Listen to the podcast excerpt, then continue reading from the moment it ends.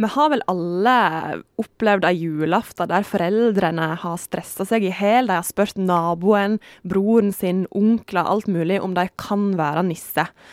Og så kommer dukkende nissen opp, da, og så plutselig så begynner ungen å grine, er livredd for nissen. Og for noen så den, går denne frykten for nissen den går over til å bli en fobi, og det er det vi skal snakke om i dag. Vi skal snakke om julenissefobi. Og velkommen, Aksel Inge Sinding, psykolog. Takk skal du ha. Først må vi starte med hva er en fobi? En fobi det er en uh, sånn, egentlig ganske sånn irrasjonell frykt for en eller annen gjenstand, ting eller et uh, tema. F.eks.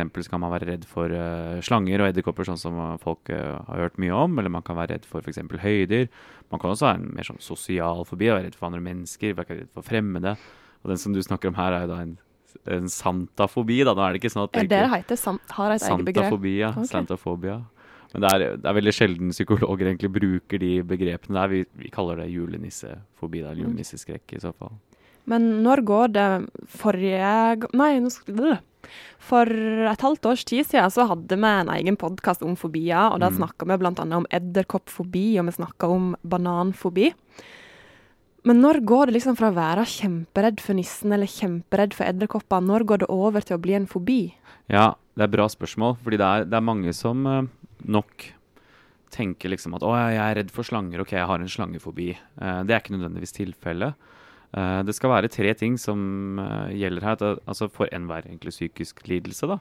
Og Det ene er at det må være ganske forskjellig fra vanlig atferd. Og det er ganske vanlig egentlig f.eks. å være redd for slanger. da. Det er ganske lurt egentlig å være redd for slanger hvis du ser en slange f.eks. Så det må være en ekstremt sånn intens følelse. da. En enda mer intens frykt enn det som er vanlig å ha for en slange hvis du faktisk ser en slange.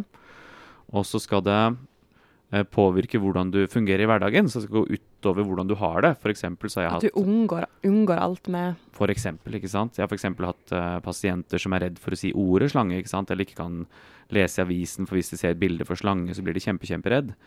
Uh, mens f.eks. hvis du setter dette opp mot vanlig atferd, hvis du løper ut i skogen og plutselig ser en huggorm, da, for eksempel, så er det naturlig å bli redd. Det er det. Det har aldri sprunget så fort som jeg gjorde da jeg var på joggetur og møtte en hoggorm. Jeg sprang i fem minutter i full spurt uten å se meg tilbake.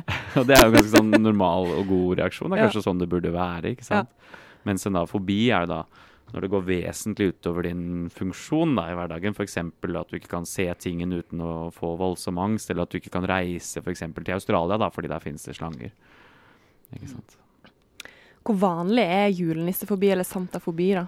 Mm, det er ikke så vanlig blant voksne og ungdom, men det er uh, ganske vanlig blant barn. Uh, spesielt barn uh, to til syv år. Starter sånn rundt toårsalderen, så er det ganske mange. Jeg tipper mange av de som lytter her også, kan huske at de har hatt ganger der de har vært litt sånn nervøse når det kommer til julenissen. Ja, når vi står der på en måte og roper på julenissen på en juletrefest, ikke sant, og så er det liksom denne spenningen du hører. Kommer han nå, kommer han ikke? Og så må vi rope høyere og høyere, og høyere, og så plutselig så kommer det en stor, rar skikkelse gående ned trappen med gaver og kostyme, og du kan ikke se ansiktet hans. Det er ganske mye sånn spenning, både ubehagelig og positiv spenning på en gang. da. Ja. Men så er det noen som tar med seg denne frykten de får som barn, så tar det med seg videre i voksenlivet, da? Mm, det er det. Det er um, rett og slett at de aldri får helt rettet opp i den frykten, da. Eller at de f.eks. For fortsetter å unngå eh, denne frykten mer og mer og mer, og mer, og mer, sånn at det blir skumlere og skumlere. og skumlere. Det er sånn de fleste fobier utvikler seg, ved at man unngår det man er redd for. Men hvorfor blir Du var litt inne på det, han er stor og har masker, du ser ikke ansiktet. Men hvorfor blir en redd, eh, så redd for julenissen at det utvikler seg til en fobi? Jo, altså Det er ganske mange ting når man egentlig tenker over det, som, altså ved en julenisse som egentlig kan være litt skremmende. altså for det for det første, altså, det er jo en litt sånn merkelig utseende person. Sånn, det er en stor mann med rare klær som ingen andre har. Han har skjegg. Det er vanskelig å se ansiktet hans. Han kan være virkelig sånn uforutsigbar og stor. Nå sier jeg dette med et smil og tøyser litt òg, men det er jo noe i det.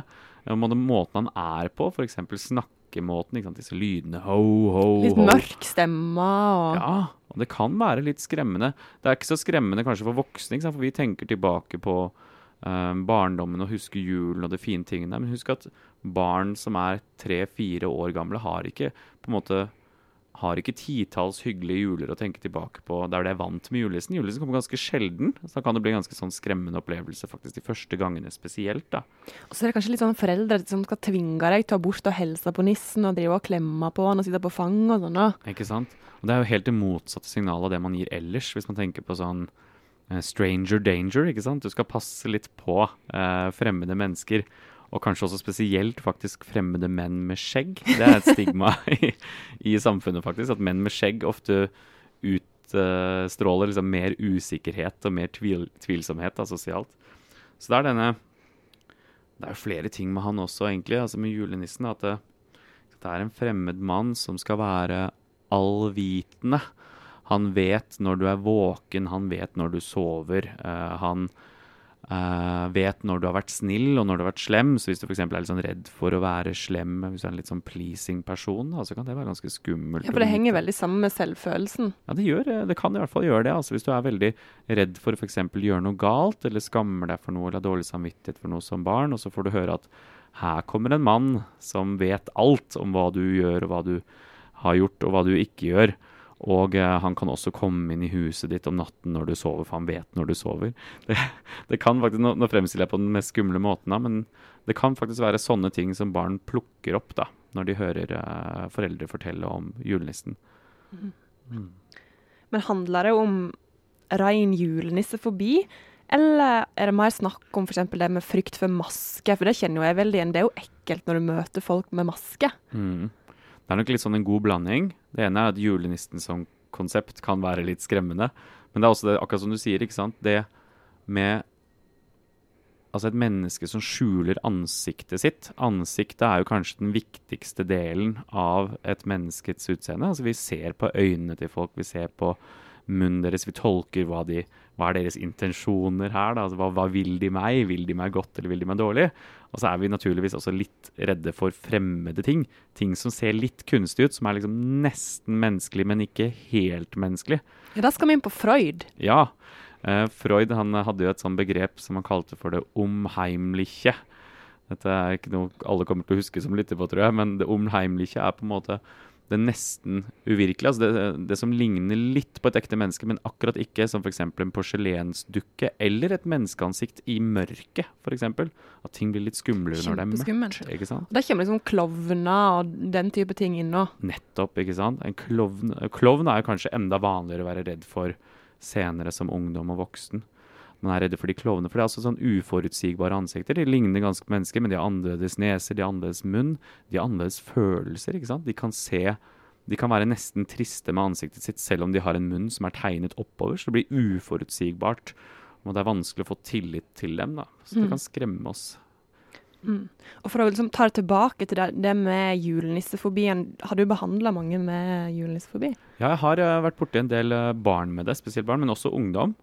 Um, det vi må jobbe med da, er jo først å måtte finne hvor er det det her kommer fra. da? Når, når, var det det startet? Er det en historie? Er det et spesielt minne som de på en måte har brent, seg, brent i seg? da?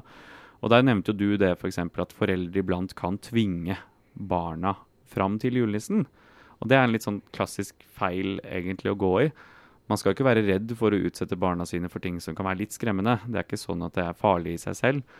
Men uh, hvis barnet f.eks. er livredd for julenissen, er, mens foreldrene ikke legger merke til dette, men er veldig veldig opptatt av å vise hvor kanskje de har minner fra julenissen, som er veldig hyggelige. Mm. Og han er så snill, gå og gi ham en klem, si takk til nissen. Mm. Gå bort og sett deg på fanget til den store, skumle mannen med skjegg og, mm.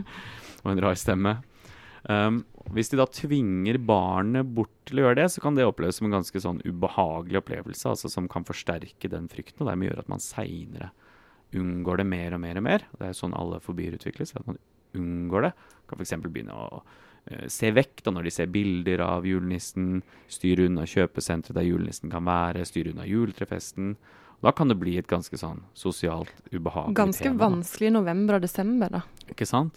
Tenk om du er barn sånn seks-sju år og du blir livredd hver gang julenissen kommer, og så er du på juleavslutninger og med juletrefester og sånn.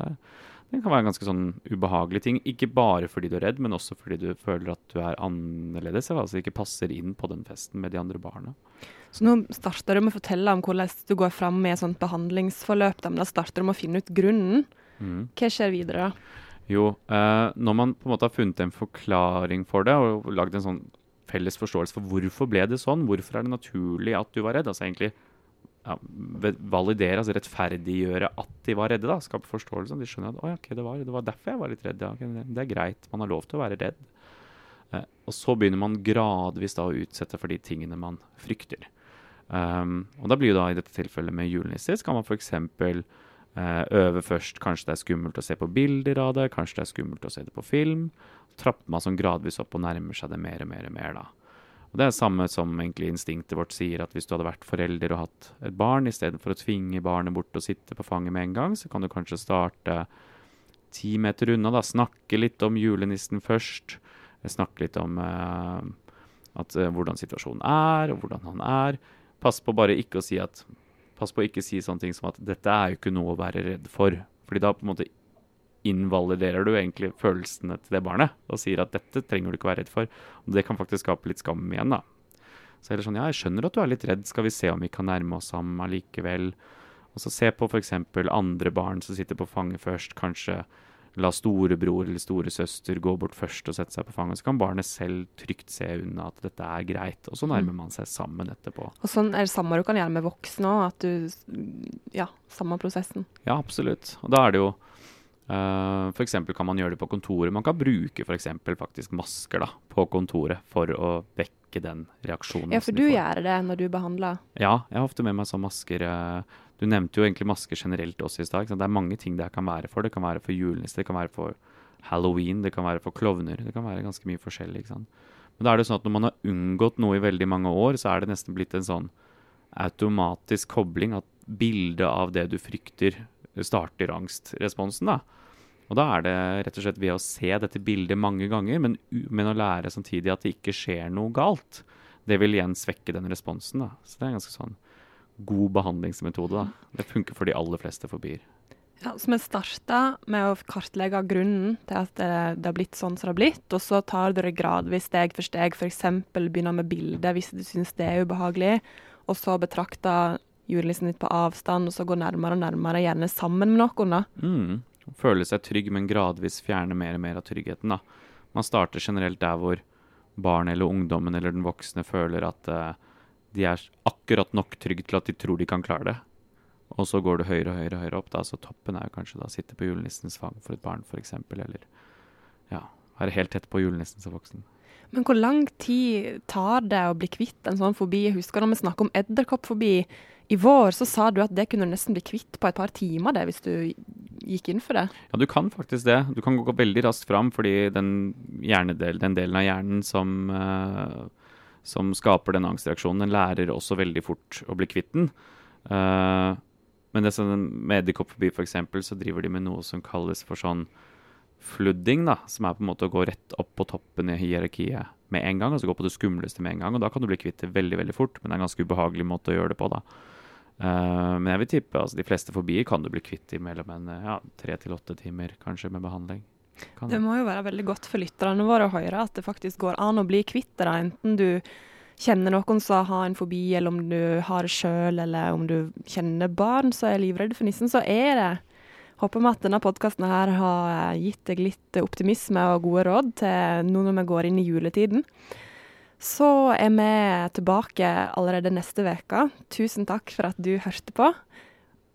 God førjulstid.